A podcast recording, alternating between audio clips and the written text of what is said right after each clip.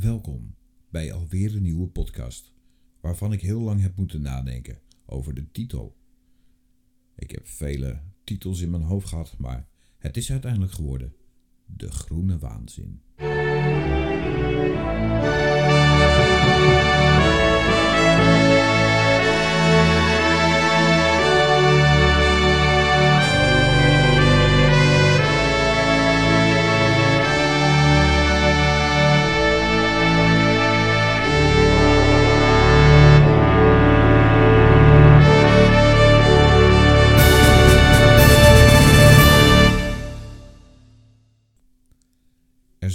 Politieke partijen, en daarmee ook aanhangers van deze politieke partijen. Je weet wel, de mensen die erop stemmen en alles.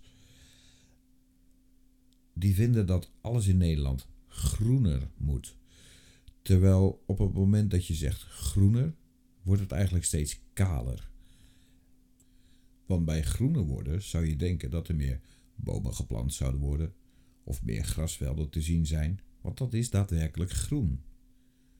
Nee, zij hebben het over alternatieven voor energie en alternatieven voor, nou, weet ik het wat allemaal nog meer. En om daar nou eens op in te gaan, dat vind ik toch wel belangrijk. Laten we nou eens beginnen met zonnepanelen. Nou, zonnepanelen die ja, moeten, moeten overal geplaatst worden, want dan heb je groene stroom oftewel elektriciteit. En elektriciteit hebben we nodig voor onze nou kookplaat, want gas mag niet meer. We hebben het nodig voor de koelkast, voor de diepvries, voor de nou, computers, telefoons opladen, nou, noem maar op. Dus het is wel een dingetje. En zeker tegenwoordig, iedereen is er afhankelijk van. Eén uh, storing in het elektriciteitsnetwerk. En mensen hebben zoiets van: help, wat moet ik? Nou, heel simpel: rustig blijven en gewoon je leven leven. Maar goed, dat terzijde. Op het moment dat wij zoveel elektriciteit gebruiken, snap ik dat vele bedrijven, maar ook de politiek, zoekt naar een alternatief voor schonere energie. Tuurlijk, daar hoor je me niet over. En waarom hoor je me daar niet over? Tuurlijk, ik ben zeker niet tegen verschonen, maar ik ben wel tegen misleiding. Op het moment dat wij aangeven dat wij met windmolens en de zonnepanelen uh, groen worden, nee, dat is het niet. Groen is natuur. Natuur moet je met rust laten. En de natuur, zo, probeer het nog een keer. De natuur ja, die doet eigenlijk zichzelf in stand houden. Daar hoef je eigenlijk niet zoveel aan te doen. En op het moment dat wij daar wel iets aan gaan doen, dan heeft dat vaak de verkeerde consequenties. Maar goed. Kortom, we gaan dus letterlijk de natuur weghalen, bomen hakken, grasvelden weghalen, om zonnepanelen en windmolens en alles te plaatsen. Goed. En windmolens, nou, daar hebben we ook nog eens keer te maken met vogels en weet ik wat. Nou goed. Kortom, alles in de natuur wat groen is, dus gras, struiken, bomen, planten, naaldbomen ook, hè. Die doen allemaal aan fotosynthese. Die gebruiken stikstofverbindingen en CO2 om te groeien. En doordat zij groeien en dankzij deze fotosynthese geven zij zuurstof af. Dat houdt dus in dat wij mensen, of nou ja, niet alleen mensen, ook insecten en dieren, dus wij levende wezens, hebben die zuurstof nodig. En we willen dat die CO2 uit de lucht gaat. Oké, top. Goed dingetje van de natuur. Wat gaan we doen? We gaan dus alles wat ons van zuurstof voorziet en de CO2 uit de lucht haalt, gras, struiken, bomen, planten. Dat gaan we allemaal weghalen om zonnepanelen te plaatsen. dan heb je dus van die grote, uh, hoe noem je dat? Ja, uh, zonnefarms, of nou ja, weet ik het hoe je dat noemt. Schijnt een naam voor te zijn. Ehm, en het liefst dan gaan we daar ook nog wat uh, windmolens bij zetten. Dus stalen objecten die voor het vliegende wezentjes ook geen goed doet. Want die krijgen in één keer zo'n klap van die molen en dan is het over. Dus we zijn zowel op de grond als in de lucht het onmogelijk aan het maken om de natuur zijn gang te laten gaan. En toch noemt men het groen. Nou, laten we nu eens naar de waarheid gaan. De waarheid is dat al het staal en alle uh, hydrauliekvloeistof en alle bewegende delen in de windmolen, dat komt uiteindelijk ook in de natuur terecht. Huh? Hoe kan dat? Ja, dat komt in de natuur terecht. Alles wat hydraulisch is, dat zweet. Alle hydraulische zweetplekken, oftewel de olie, gaat door die toren als het ware naar beneden. Of er moet een opvangbak onder zitten. Maar goed, die moet eens in de zoveel tijd geleegd worden. Nou, het lijkt me niet dat ze. Nou, overdrijf ik het misschien elke maand uh, die bak legen. Nou weet ik niet hoeveel dat die dingen zweten. Dat, dat, dat maakt op zich ook niet uit. Maar al dit soort zaken zorgen er wel voor dat we aan het vervuilen zijn. En daar kan ook geen boom meer groeien, want er staat een groot betonobject met een staal uh, dingetje erop. Dus uiteindelijk, en dat draait nog eens een keer rond, dus de vogels en de vleermuizen en de, nou, noem maar op, de insecten ook, uh, die gaan allemaal kapot. Die worden gewoon in stukjes gehaakt. Dus de natuur doen we weg om dan groene stroom op te wekken. Ik vind het een beetje raar. Goed, laten we nu eens even kijken naar cijfers. Laten we een, uh, een, uh, provincie nemen. Uh, God, nou, ik kom zelf uit Brabant.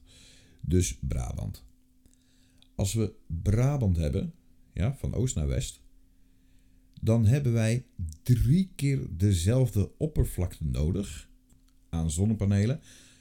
om te zorgen dat alleen de huishoudens al van elektriciteit zijn voorzien. Dat houdt dus in dat als wij dus in Nederland gaan kijken, uh, dan moeten we dus de oppervlakte van Brabant over delen van Nederland gaan leggen. Om te zien wat we dan nodig hebben aan oppervlakte. Dat is nogal wat. Dat is heel heftig. Um, Oké. Maar dan hebben we ook nog industrie. Ja, nou, pak de rest van Nederland en België en het deel van Frankrijk er ook maar bij. Want dat zijn de grootste verbruikers van elektriciteit. Dus om dat allemaal aan zonnepanelen te doen, is niet efficiënt. Daarnaast, nou, laten we dan tussen die zonnepanelen door overal van die windmolens gaan plaatsen. Dan hebben we tenminste nog wat extra backup voor als de zon niet schijnt. Oké. En wat hebben we nu? We hebben letterlijk één groot oppervlakte met schaduw. Hè, want zonnepanelen, schaduw. Zeker die zonnefarms, of, of, hoe je, dat, je die dingen ook noemt, dat boeit op zich niet. Um, of zonneparken, ik weet het geen hoe je dat allemaal noemt, dat boeit ook niet. Die hebben zoveel schaduw. Er kan dus geen vegetatie meer groeien. Dieren kunnen er ook niet onder, want die hebben de vegetatie nodig. Dus die moeten bijgevoerd worden. Maar van wat? Want we kunnen dus geen mais meer verbouwen voor de dieren. Ook niet voor de mensen, wij moeten ook eten. We kunnen geen aardappelen meer verbouwen, want daar moet zon op. Dus we kunnen eigenlijk helemaal niets meer doen. We kunnen geen dieren meer laten lopen. De mensen, ja, goed, eh, er moeten ook nog huizen staan. Uh, ja, gaat niet. Dus we hebben alleen Brabant. Dus dan zou de rest van Nederland allemaal naar Brabant moeten gaan. Maar ja, dan heb je nog meer zonnepanelen nodig. En we hadden al een deel van Frankrijk, België en heel Nederland op Noord-Brabant na. Hadden we al volstaan met zonnepanelen. En laten we het dan over efficiëntie hebben. Dus we hebben zo ontzettend veel nodig. Oké. De zon wordt af en toe geblokkeerd door de wolken. Oké, ja, geen probleem. We hebben de windmolens nog. Maar hoe vaak gebeurt het niet dat wij een windstille dag hebben en dat het bewolkt is. Dat houdt dus in dat de zonnepanelen maar 30% effectiviteit hebben op de zonnekracht die er op dat moment is. Dat houdt dus in dat wij dus nog meer zonnepanelen moeten gaan plaatsen. Nou, en zo kan ik nog wel even doorgaan. Die windmolens die doen niks, want het is windstil. Dan heb je wel een hele slechte dag. En ja, als we het dan door gaan trekken. Het bedrijfsleven moet doorgaan. Dus dat zou willen betekenen dat we de huishoudens zonder elektriciteit moeten zetten. Want anders valt de economie in elkaar. Maar ja, waar zetten we al die bedrijven voor de rest neer? Ook allemaal in Brabant? Dan wordt het wel vol, uh, hè, vol gebeuren. Want, uh, hoeveel mensen hebben we nou in Nederland? 18, 90 miljoen, denk ik inmiddels. Ik weet het niet. Uh, die allemaal in Brabant. Nou, dat is helemaal hutje mutje. Is gezellig hoor, maar wordt een beetje veel. Plus alle bedrijven erbij. Oeh, wordt wel krap. Dat gaat niet werken. Maar oké, laten we het nu dan eens hebben over de zonnepanelen. De zonnepanelen die worden gemaakt van bepaalde materialen. Dat, dat zijn staal en kunststof en, en, en zware metalen en, en noem maar op. Alles is dusdanig bewerkt dat het ook een functie heeft. Je kan niet zomaar iets uit de grond trekken, zoals bijvoorbeeld koper, en denken dat het allemaal vanzelf gaat werken. Nee, je moet het bewerken. Dus de natuur kan het niet meer terugnemen als een eigen stof. Maar het staat wel continu in de natuur. Tenminste, wat er dan nog van over is. Hè? Dus op het moment dat het in de natuur staat. Ja, goed, je hebt dat uh, kunststof dat wordt op een gegeven moment poreus en dat, dat gaat afbrokkelen en dat komt allemaal in de natuur terecht. Um, we hebben dan de nou, glas of, of uh, kunststof wat er bovenop is. Het ligt een beetje aan welke variant dat je hebt. Meestal is het glas. Maar goed, glas is gemaakt door de mens. Dus het is een silicaat en nou goed, daar ga ik je niet mee vermoeien. Dat houdt dus in dat al deze stoffen, die moeten eerst gewonnen worden. Hè? Dus de grondstoffen. Daar gaat mijn partij CO2 in om. Dat wil je niet weten. Bulldozers, graafmachines en in de juiste mijnen ook nog wat explosieven. Nou, een hele hoop elektriciteit wat opgewekt wordt door dieselaggregaten. Dus er gaat zo ontzettend veel CO2 in op. Plus stikstofuitstoot, et cetera. Want er zijn wat knappe koppen die ervoor geleerd hebben, dat ben ik dus niet. Uh, die vonden het nodig dat dieselmotoren AdBlue gaan gebruiken. En AdBlue is letterlijk gedemineraliseerd water met ureum erin. En was datzelfde ureum nou niet het probleem? Ja, want koeien, varkens, dat moet allemaal minder, want fosfaatrechten, weet ik het wat. Maar ook die ammoniakverbinding. En ureum is ammoniak. Hmm. En laten we dan daar ook nog eens even op ingaan. Op het moment dat jij als boer mest op je land doet, zoals vrije uit, hoe noem je dat, vrij uitrijden, um, dan, dan zit het ureum in vaste vorm. En ja, dat gaat ook wel de bodem in, maar dat, dat is op zich niet zo'n heel groot probleem. Maar door dat bij een dieselmotor te doen, dan verhit je dus letterlijk dit ureum en vergas je deze ureum. En laat dat nou precies het probleem zijn, want het slaat overal neer. Nou, dat heb je niet als het in een vaste vorm is bij de boer. Maar goed, daar wil ik nog ineens over zeuren. Dat is weer een heel ander discussiepuntje waarvan ik zeg van jongens, jongens, jongens, waar zijn we nou mee bezig? Maar oké, dus uiteindelijk, we hebben nu de grondstoffen. Deze grondstoffen, die moeten vervoerd worden. Nou goed, het wordt allemaal eerst opgeslagen en dan, eh, dan wordt het vervoerd in één bulk. En dan komt het bij de fabriek aan. Bij de fabriek moet het bewerkt worden. Daar gaat mijn partij CO2 in om, waar je u tegen zegt. Of het nou koper, staal, kunststof, maakt niet uit. Dus het moet allemaal bewerkt worden. En ik heb het nu nog maar over één uh, stroom van grondstoffen. Dus laten we het dan hebben over bijvoorbeeld koper. Hè? Dat komt uit de mijnen. Dus we hebben het over de vaste stof. Maar dan hebben we nog de, de, de kunststof. Nou, dan moeten we olie en eh, dan moeten we bewerken. Dat kost ook allemaal elektriciteit. Maar goed, laten we het houden op die koper. De koper wordt dan naar de fabriek gebracht. De fabriek die gaat dat dus omsmelten naar, naar dunne kabeltjes en weet ik het wat allemaal. Om te zorgen dat het dan weer eh, gebruikt kan worden als bekabeling, zowel in als daarbuiten de zonnepanelen. Mooi. Dan hebben we dus, oké. We hebben nu dus die koperdraden. Die koperdraden gaan dus vervoerd worden naar een fabriek die de zonnepanelen maakt. Waar allemaal andere dingen bij komen, zoals staal en glas en kunststof en silicaten en noem maar op. Dus er zijn er ontzettend veel stromen aan materiaal en dus CO2-uitstoot. Plus nog eens een keer elke keer het vervoer. Zowel vanuit de mijn naar boven toe naar de opslag als van de opslag naar de fabriek. Maar goed. Dan wordt het daar allemaal in elkaar gezet. Nou, daar gaat mijn partij elektriciteit in om. Ehm, en dat is zo'n CO2-uitstoot waar je u tegen zegt. Dan zijn ze eindelijk in elkaar gezet. Dan worden ze vervoerd als volledig product naar een opslag of wat dan ook, of de winkel. Van daaruit worden ze weer verder vervoerd. Hè? Dus dat was ook al CO2-uitstoot. Van daaruit worden ze verder vervoerd naar de klant.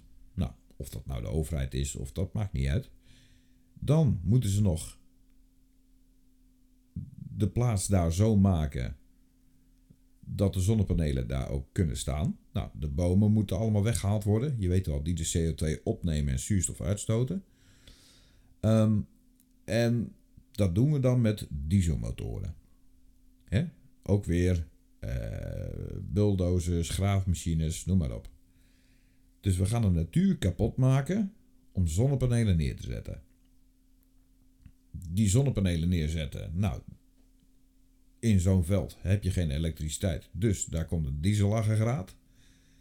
Nou, dan hebben we een dieselaggregaat die ook weer uitstoot. En dan staat alles. Goed. Dan hebben we al zo ontzettend veel CO2-uitstoot.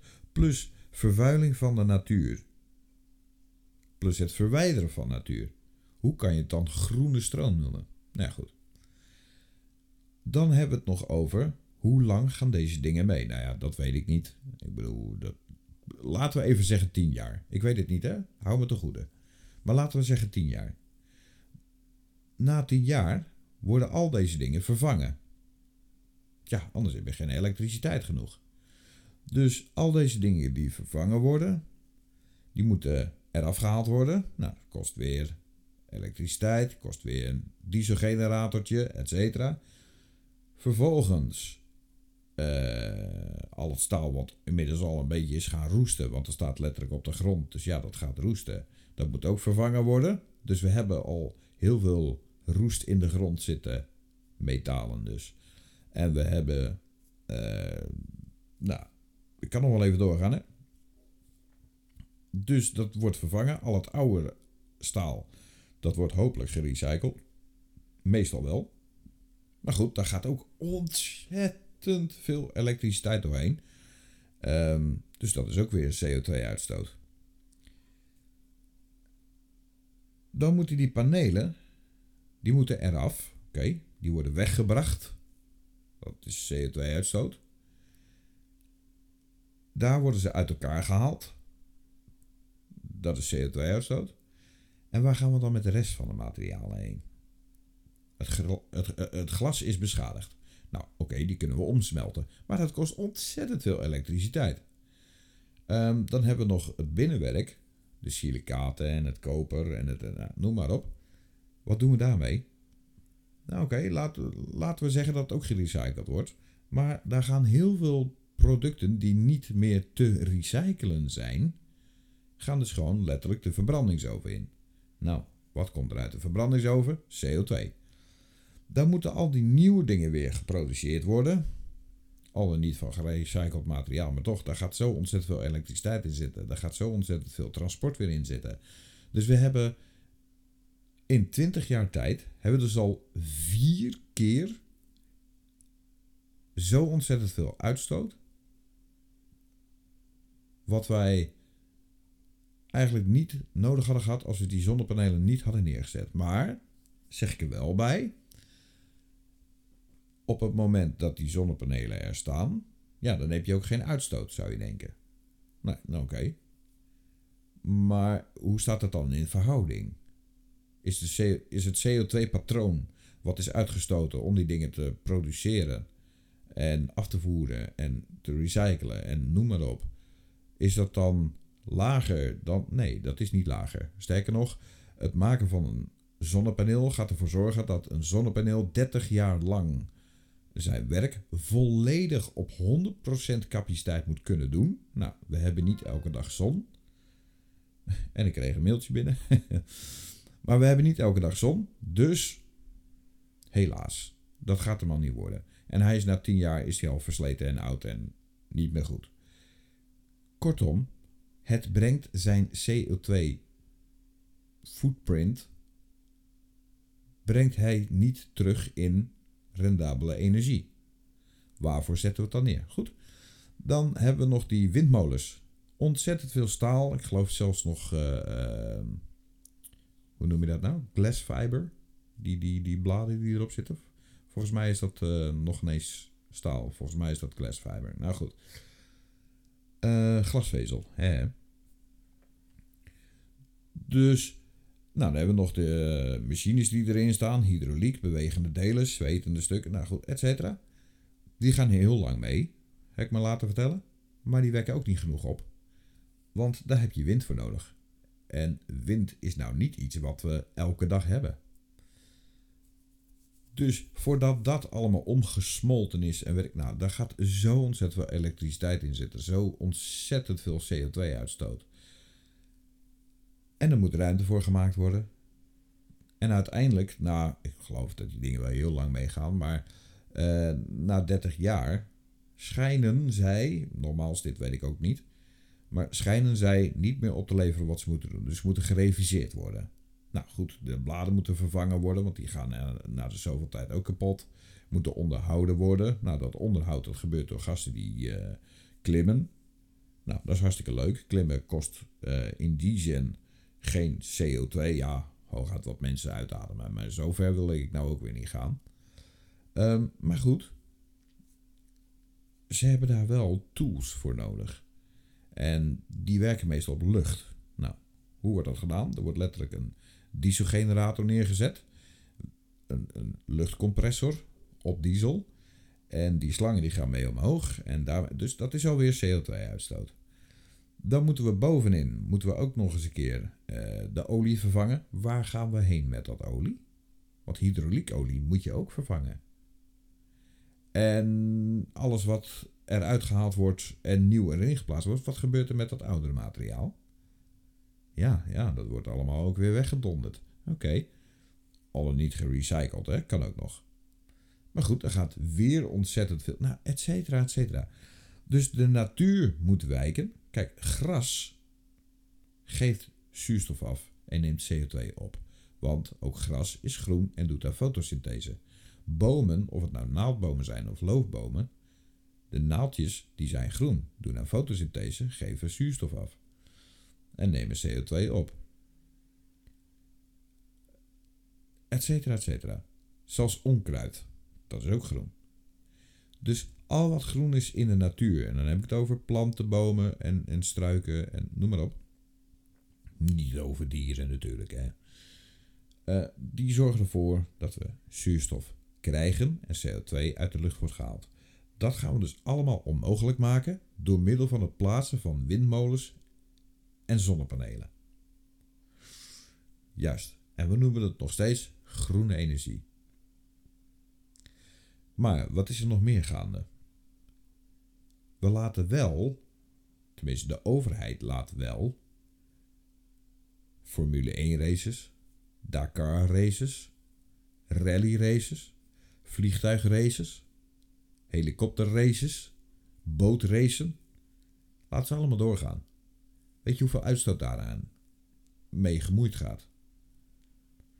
En uh, ja, met z'n allen even een vliegtuigje pakken. Leuk hoor. En ik ga zeker niet zeggen dat ik het niet zal doen. Maar voor de mensen die dan zo groen willen zijn, ja, laat het vliegtuig dan ook uh, lekker. En ook geen auto pakken. En dan helemaal geen elektrische auto. Met die accu's die. Nou ja, goed. Moet ik daar nog over doorgaan? Accu's die ervoor zorgen dat we echt de wereld gewoon aan het vervuilen zijn. En weet je wat het probleem is? Al wat zogenaamd gerecycled wordt, net zoals plastic, dat wordt allemaal naar China en nou, laat ik zo zeggen Azië, maar heel lang is dat China geweest. Daar wordt het naartoe gedeponeerd, om het dan maar zo te zeggen. Zo van, wij hebben er geen last meer van. Dus wij zijn groen bezig. Uh, nee, we zijn letterlijk het probleem aan het verplaatsen. Dat we dadelijk in, het, in, de, in, in de westerse wereld hebben dan alles netjes, schoon en, en, en alles in Azië en alles, daar begint het allemaal een beetje aan elkaar te klenteren en te klotteren en te doen. En ja, wat laat dat voor een impact achter op de natuur? En denk je nou echt dat alle afvalstoffen, al dan niet gassen die vrijkomen uit China, dat die niet door de rest van de wereld heen komen? Ik bedoel, dat slaat ook ergens neer, hè? Dus wetende dat sommige mensen zo heftig zijn dat ze zeggen: ja, maar we moeten groener gaan leven. Kijk, waar ik het wel mee eens ben, dat wil ik ook wel adresseren, is dat wij als mensen wel een minder impact kunnen hebben. Laat ik een voorbeeldje noemen. Een transportbedrijf die moet letterlijk van A naar B. Zit niet altijd helemaal vol. En van B moet het vaak ook nog eens keer naar C. Waarvoor rijden we dan niet van A naar C in plaats van B daartussen? Waarvoor moeten spullen altijd in delen worden gedaan?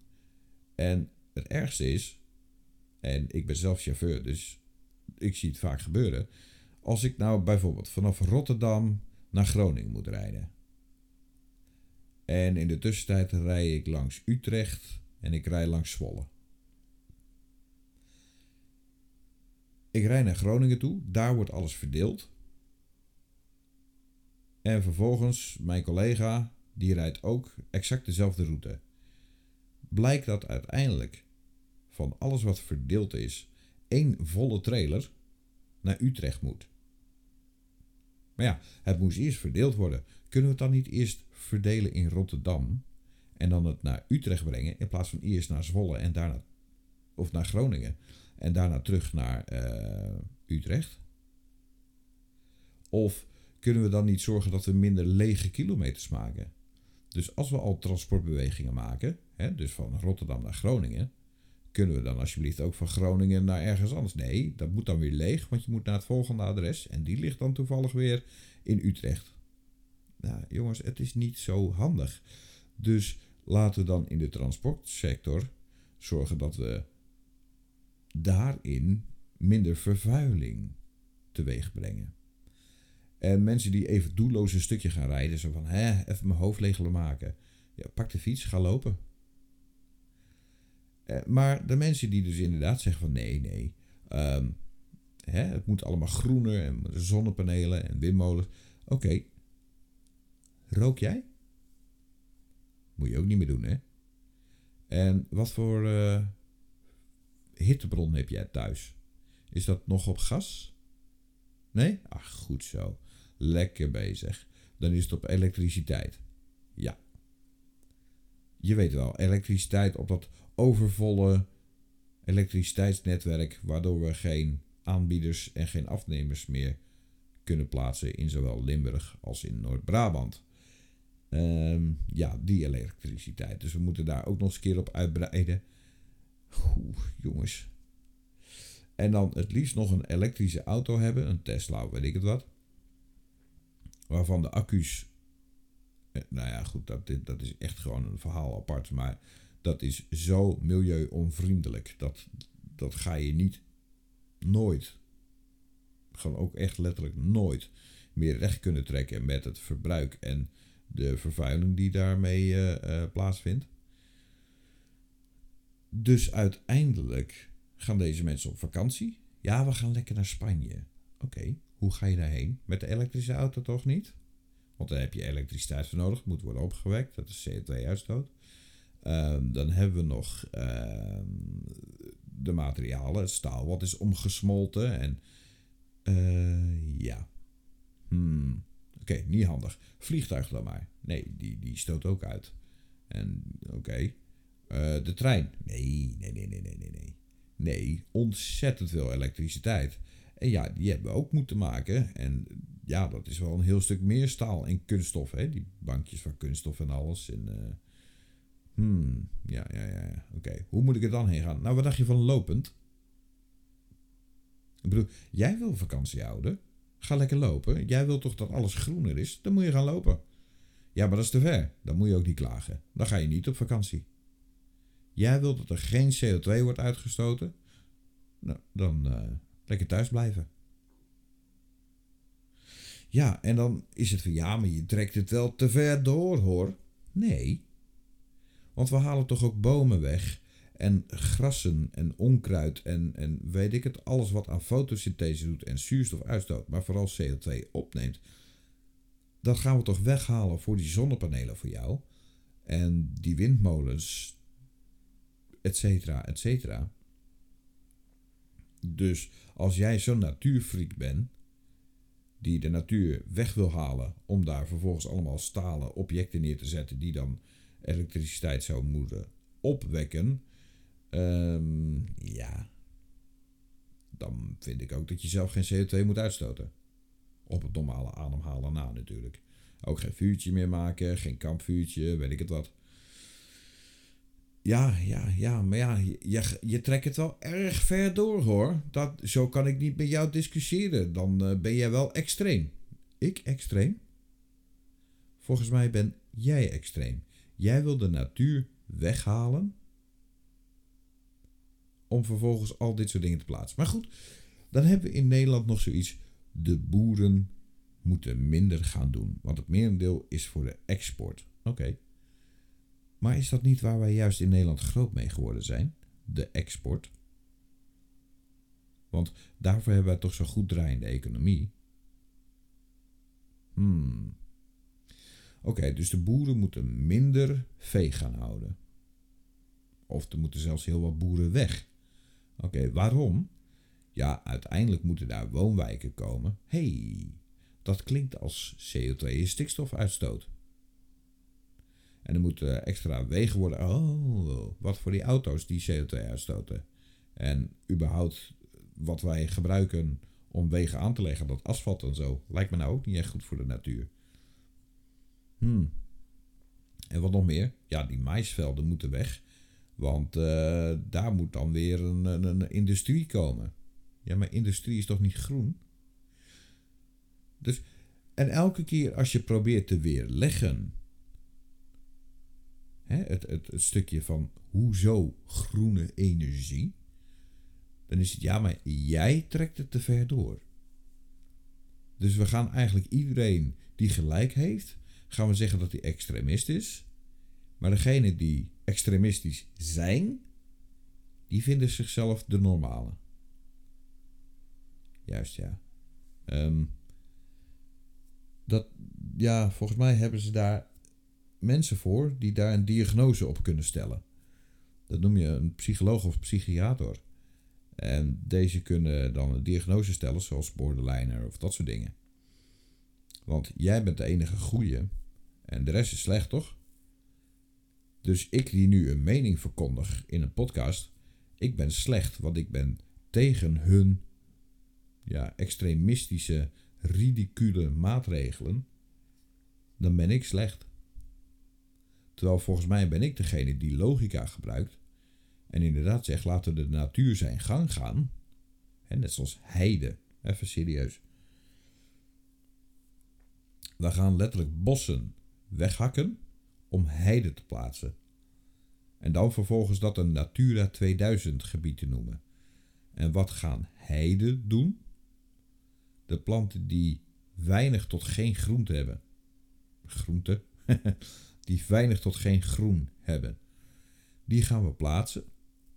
Die meerdeel van het jaar er dood uitzien, geen groene kleuren hebben. En als ze groene kleuren hebben, dan is het maar minimaal. Hmm. Ja, oké. Dus de natuur wordt eigenlijk voedingarm. En dat noemen we dan Natura 2000 gebied. Want voedingsarme gebieden en de bomen die daar willen groeien, en ik zie het hier bij mij in de buurt ook, de bomen die daar willen groeien, die worden op een benzine. Uh, nou goed, laten we zeggen dat het ooit een keer elektrisch zal zijn, maar op een benzinemotor gedreven uh, bosmaaien worden ze gewoon letterlijk omgehaald. Maar het is toch de bedoeling dat de natuur. Ja, nee, ja, maar het, is een, het mag niet. Het moet heide zijn. Dus als de natuur vindt dat hij daar weer de boel moet terugclaimen, dan gaan we er alles aan doen om dat weer weg te halen. En dat noemen we dan groen. Ja.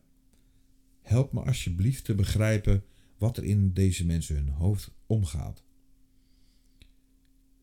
Want dan hebben we ook groen gas. Althans, dat zie je zelfs op bussen staan. Wij rijden op groen gas. Wat is groen gas? Is dat gas met een kleurstof? Nee, dat is gas gewonnen uit een speciaal gebied en bla bla. Luister nou. Dat gas stoot ook nog steeds CO2 uit. Huh? Ja, als je het verbrandt heb je CO2. Ja, dus hoezo groen? Of um, wij hebben. Uh, hoe zeg je dat? Wij, wij hebben dit en dit gedaan, maar we planten daar bomen voor terug. Dus zijn we CO2-neutraal. Nee, want het plaatsen van die bomen kostte ook alweer CO2. Maar goed, et cetera. Ik kan nog wel even doorgaan. En ik vraag me echt af. Wie op deze wereld zijn nu de slimmere? Wie op deze wereld zijn er nu echt gewoon dat je denkt van wat doe je überhaupt in de politiek? Laat duidelijk zijn, en daar heb ik eerder al wat over gezegd. Ik ben het niet eens met rechtsextremisme, zoals Geert Wilders. Alles is de schuld van de islam, ja? Oké, dus de katholieke kerk waar seksueel misbruik heeft plaatsgevonden, dat was islamitisch. En die politieagent in Dordrecht die Millie Boele heeft vermoord, die was islamitisch? Of moslim moet ik eigenlijk zeggen. Uh, nee. Dus hoezo? Het is allemaal de schuld van de islam. Nee, pannenkoek, het is de schuld van jou. Jij bent de maatschappij aan het verharden, aan het verhufteren. Nou, Thierry Baudet, daar heb ik nog op gestemd, maar dat is nu ook over. Want deze man die gaat te veel achter Geert Wilders aan. En die is toch echt wel aan het ridiculiseren. Dus ik kom nu op de BBB. Boer-burgerbeweging of burger-boer, weet ik het dat. In ieder geval Caroline van der Plas. En zij doet bepaalde dingen adresseren op een manier zoals je het moet adresseren. Dit is het probleem, dit is de oplossing. Of dit is het probleem, wat gaan we er doen? Ik weet zelf de oplossing niet. Misschien kunnen we daar met z'n allen naar kijken. En het enige wat zij naar haar hoofd geslingerd krijgen is: Jij bent niet goed. Jij bent niet slim. Jij weet niet waar je het over hebt. Ehm, volgens mij gebruikt zij logisch verstand.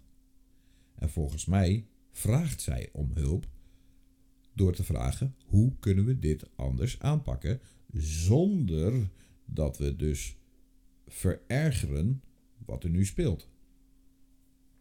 Hmm. dan wordt ze uitgelachen. Dan hebben we nog GroenLinks. Ah, weg ermee. Dat is juist de partij die deze groenheidswaanzin allemaal toejuicht. En Partij voor de Dieren, hetzelfde verhaal. Ja, maar dat is zielig voor de dieren. Weet je wat zielig voor de dieren is? Mensen zoals jullie. Dat zelfs de dieren jullie nog uitlachen. En sorry dat ik het zo breng, maar op het moment dat je mens en dier gelijk gaat stellen, in die zin, uh, ja, maar ze hebben ook gevoel. Ja, dat klopt. Maar op het moment dat een dier van kleins af is opgegroeid in een omgeving, is dat dier niet anders gewend dan die omgeving. Dat is niet zielig, dat is gewoon zijn vertrouwde omgeving. Daarvoor kan je bijvoorbeeld een tam konijntje of een tamme hond niet in het wild loslaten en denken dat het wel goed gaat komen, want dat komt niet goed. En het is voor die dieren precies hetzelfde. En ze gaan elke keer worden ze naar binnen geroepen, worden ze gemolken of ze worden uh, onderhouden, ze krijgen voer, ze krijgen, nou, noem maar op, extra voer. En nee, daar hoeft geen antibioticum bij. En er hoeft geen weet ik het wat voor bij. Gewoon biologisch. Dat zou het mooiste zijn. En nou goed, dan gaan ze naar binnen toe. Dan worden ze in een klem gezet. Dat is een speciaal apparaat. Die, die, die, zet dan zo'n koeklem. Die kan zo'n koe uh, helemaal omdraaien. Dan kunnen ze de hoeven doen. En weet ik het wat allemaal. Hartstikke mooi. En vervolgens komt zo'n koe. Die komt daar binnen. Die denkt, nou, ze gaan weer wat doen. Inderdaad, ze gaan wat doen. Maar daarna weet je niks meer. Want als jij doodgemaakt wordt, ben jij buiten bewustzijn. Oftewel, jij weet niks meer. Na de dood is er niks meer voor jouw lichaam. Dus op het moment dat er niks meer voor jouw lichaam is en niks meer voor je hersenen is, voel jij die pijn niet en voel jij dat leed niet. Dus op het moment dat het diertje dood is, dan gaan we slachten. Het is niet andersom. We gaan niet eerst de huid uh, door drieën snijden wanneer het beestje nog leeft. Nee, we maken het eerst netjes af. Vervolgens gaan we uh, de stukken vlees eraf snijden en uitbeenderen en noem maar op. Daarvan kunnen wij eten. Nou, dan heb je nog de vegetariërs. Of de veganisten moet ik eigenlijk zeggen. Ja, maar het is zo zielig voor de dieren. Hoezo? Weet je wat pas zielig is voor die dieren? Als hij of zij, hè, de koe of de, de, de stier of de wat dan ook, in de natuur leeft, vervolgens ziet dat het aangevallen gaat worden, dat maak je bewust mee, vervolgens weg moet komen, dus je moet er nog een actieve handeling voor doen om weg te komen. Nou, heel hard rennen. Je slaat doodangsten uit. En om het dan nog even makkelijker te maken, gebeurt dat eerst nog een paar keer voordat je daadwerkelijk, hè, want je wordt niet altijd kapot gebeten, daarvoor worden dieren ook wel wat ouder. En dan vervolgens komt de dag, dan heb je net je dag niet. Je hebt pijn in je hoef, ik noem maar even wat. Of pijn in je maag, noem maar wat. Je hebt net je dag niet, je bent wat langzamer. En ja hoor, dan komt meneer de leeuw. Je ziet de leeuw. Die heb je vaker gezien. Je denkt dat je weg kan komen. Nee, helaas joh.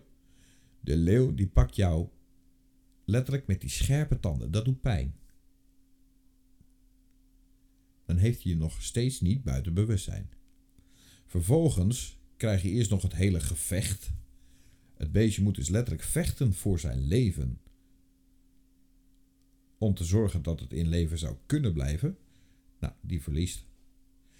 Dus het beestje gaat eerst heel veel pijn lijden, heeft letterlijk gaten in zijn lichaam zitten, omdat die leeuw regelmatig opnieuw moet vastpakken. En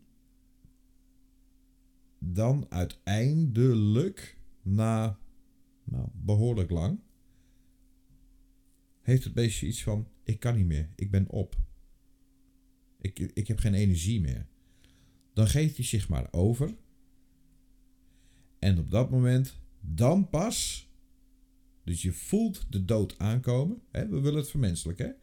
Dus stel je voor dat jij dus achterna gezeten wordt, et cetera, et cetera. Jij voelt de dood dus aankomen. Je voelt dat je leeg bloedt. Je voelt dat je niet meer te redden bent. Dan moet je het dus bewust opgeven en dan duurt het nog veel te lang voordat je uiteindelijk al dood bent. Maar inmiddels, voordat je al gestorven bent, zijn de leeuwen jou aan het opeten. Doe mij dan maar liever het diertje wat het, dat klemmetje ingaat die, die bekend is. En dat die vanuit het niets in één keer uh, ja, doodgeschoten wordt.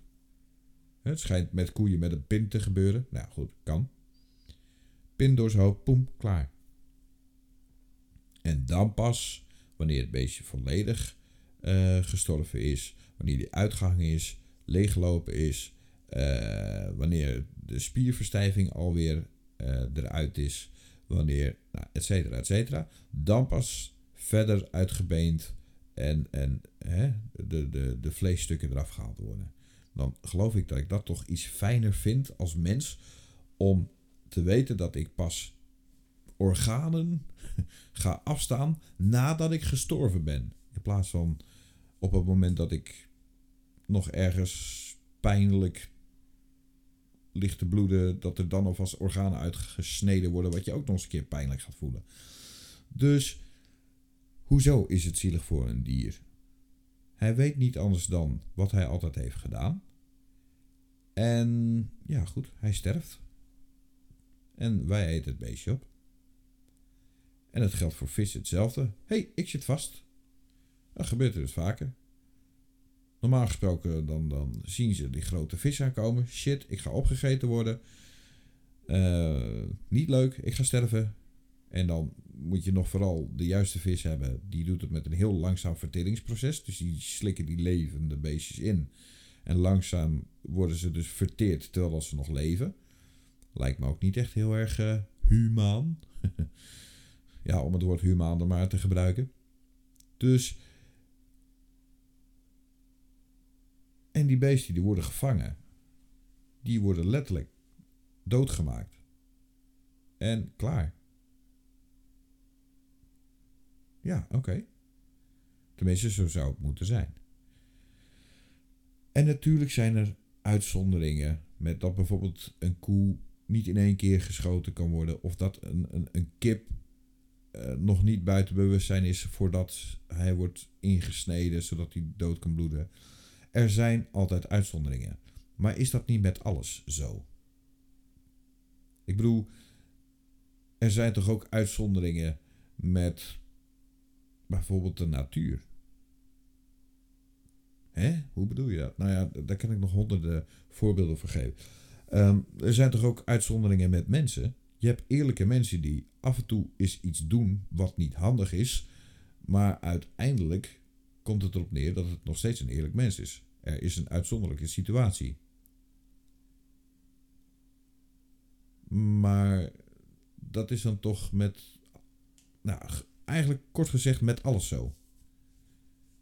Met alles heb je uitzonderlijke situaties. Ja, het verkeer kunnen we hier heel goed begeleiden. Maar ja, de verkeerslichten werken nu niet. Moeten we daarom die verkeerslichten maar wegdoen? Nee. Het is een uitzonderlijke situatie. Kortom, dat een dier geslacht wordt, is op zich niet erg. Dat het dier geslacht wordt om te eten, kan ik alleen maar toejuichen. Wat ik niet kan toejuichen, is dat er heel veel dingen weggegooid worden. Zoals diezelfde mensen die beweren dat het heel erg zielig is voor dieren en dat alles maar groene moet. En vervolgens, wat doen zij dan? Dan gaan ze naar een restaurant, eten ze hun bord niet leeg, want ja, dat is een vorm van status. Hè? Als je je bord helemaal leeg eet, nee, dan heb je geen status. Dat is bij heel veel mensen bekend. Dus dan eten we het bord niet helemaal leeg. Hmm. Ja, en dan? Of thuis, ja, ik heb nog wat in de koelkast staan, maar het is inmiddels beschimmeld, ik kan het niet meer eten. Ja, oké, had dan minder gemaakt. Nou goed, et cetera, et cetera. Dus die mensen, die gaan dan spreken over hoe wij moeten leven. Nou goed, en dan nog één klein dingetje. Als de politiek, hè, als die het nou echt zo goed met de mens voor heeft. Oh jee, komt zeker weer wat over corona. Nee. Als de politiek nou echt zo goed voor mensen voor heeft. En echt willen dat mensen hun gezondheid verbeteren. Terwijl dat is een eigen keuze. Hè? Dus als ik ervoor kies om te roken, doe ik dat mijzelf aan. Daar heeft de politiek niets over te zeggen. Ik maak die keuze. Ja, maar dan gaan we uiteindelijk, dat was nou ook alweer in het nieuws, in jaar weet ik het wat, moet een pakje sigaretten 40 euro kosten. Hoeveel? 40 euro. Dus eigenlijk worden wij in onze portemonnee gepakt, omdat wij zelf de keuze maken. Oké, oké, oké. Maar als we het nou echt zo goed met de mensen voor hebben als politicus zijnde, waarom legaliseren we dan drugs? En waarom is het normaal om dan alcohol te drinken? En als we het echt zo goed met de burger voor hebben als politicus zijnde, waarom zorgen we dan dat de inflatie zo ontzettend hoog is? Dat eigenlijk niets meer normaal te betalen is. Dat je je echt gewoon drie keer in de ronde moet werken om überhaupt te kunnen overleven. Het is dus geen sprake meer van leven, maar overleven. Je moet zelfs overuren maken om een normaal centje te kunnen hebben. Je vaste lasten te betalen, die godsgruwelijk hoog zijn. En dan moet je ook nog eens een keer boodschappen doen. Nou, dan zou je ook nog eens een keer roken, net als ik. Hè? Dus alweer een e-mail. Handig. Dus als we het dan echt zo goed met mensen voor hebben, waarom doen we dan niet zorgen dat we in Nederland een veel hoger salaris krijgen voor wat we doen? En waarom maken we het dan niet zo dat mensen die op kantoor zitten minder verdienen dan de mensen die hun lichaam gebruiken om werk te verzetten? Een stratenmaker verdient minder dan een administratief persoon op kantoor. Hoe dan? Hij kan het stratenmaken veel minder lang volhouden. Oké, ja, maar die voor op kantoor heeft ervoor geleerd. Oké, dat is wat je dan vaak hoort. Oké, dus een arts heeft geleerd voor zijn studie. Dat zeg ik heel raar. Een arts. een arts die heeft een studie gedaan. Die kost heel veel geld. Daarvoor verdient hij meer, zodat hij zijn studie die hij heeft gedaan uiteindelijk uh, terug kan betalen en daardoor daarna ook meer geld overhoudt. Oké. Maar hij doet één keer die opleiding. En natuurlijk dan zit er ook nog specialismes bij, maar dat doet hij maar één keer. Daarna is zijn kennis zijn kennis. Hij hoeft dus niet meer extra opleidingen te doen. Hmm, oké. En toch krijgt hij zo ontzettend veel betaald. Wij vrachtwagenchauffeurs moeten elk vijf jaar extra opleidingen doen om überhaupt te mogen rijden in de transportsector. Anders is je rijbewijs alleen maar geldig voor uh, een groot voertuig, maar niet ten behoeve van uh, beroepsgoederenvervoer. Dus wij moeten elke vijf jaar opnieuw cursussen doen, geld uitgeven, et cetera, et cetera. Toch verdienen wij op basis van 40 uur netto, luister goed wat ik zeg, netto 2300 euro. Ja? Ga maar kijken, doe maar D6, dus Dirk D, D6 beroepsgoederenvervoer. Dan zie je wat wij per maand op basis van 40 uur bruto verdienen. Nou, reken je dat uit naar netto, zit je op 2300 euro. Alleen mijn huur kost al 1050 euro. dus mijn vaste lasten zijn al 16 à 1700 euro. Inclusief ziektekostenverzekering, inclusief uh, autoverzekering, inclusief wegenbelasting. Oh nee, motorvoertuigenbelasting moet je tegenwoordig zeggen. Et cetera, et cetera. En dan vinden zij het gek dat ik door middel van zo ontzettend veel stress wat ik heb om alles rond te breien, plus nog heel veel andere nou ja, persoonlijke dingen waar ik niet al te veel over in de podcast uh, uh, ga zeggen, maar het komt erop neer um, dat andere zaken ook niet helemaal lekker lopen. Dankzij dezezelfde overheid, dankzij onrechtmatige, nou, et cetera, et cetera. Dan vinden zij het gek dat ik ga roken om mezelf rustig te houden. Hmm, want roken is van oorsprong een kalmerend middel.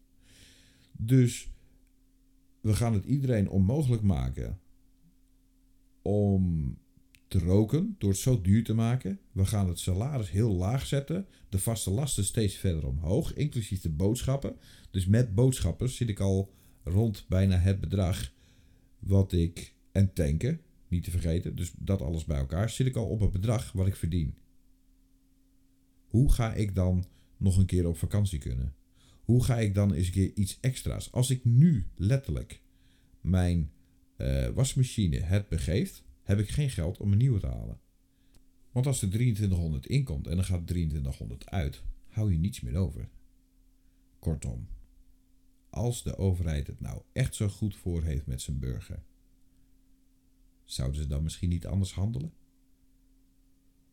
En ja, ik wil er geen, geen reclame van maken, maar ik zeg Caroline van der Plas. BBW. Daar zou ik op stemmen.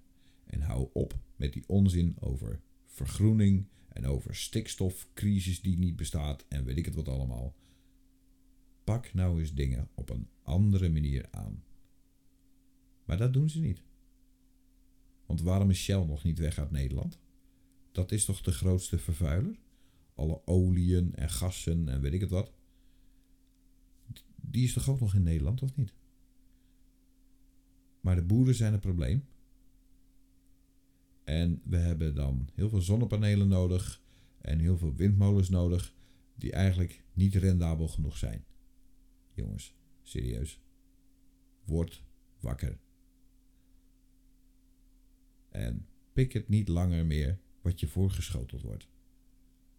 Want nu is het dit. Maar wat is het volgende? Ik zeg tot de volgende podcast.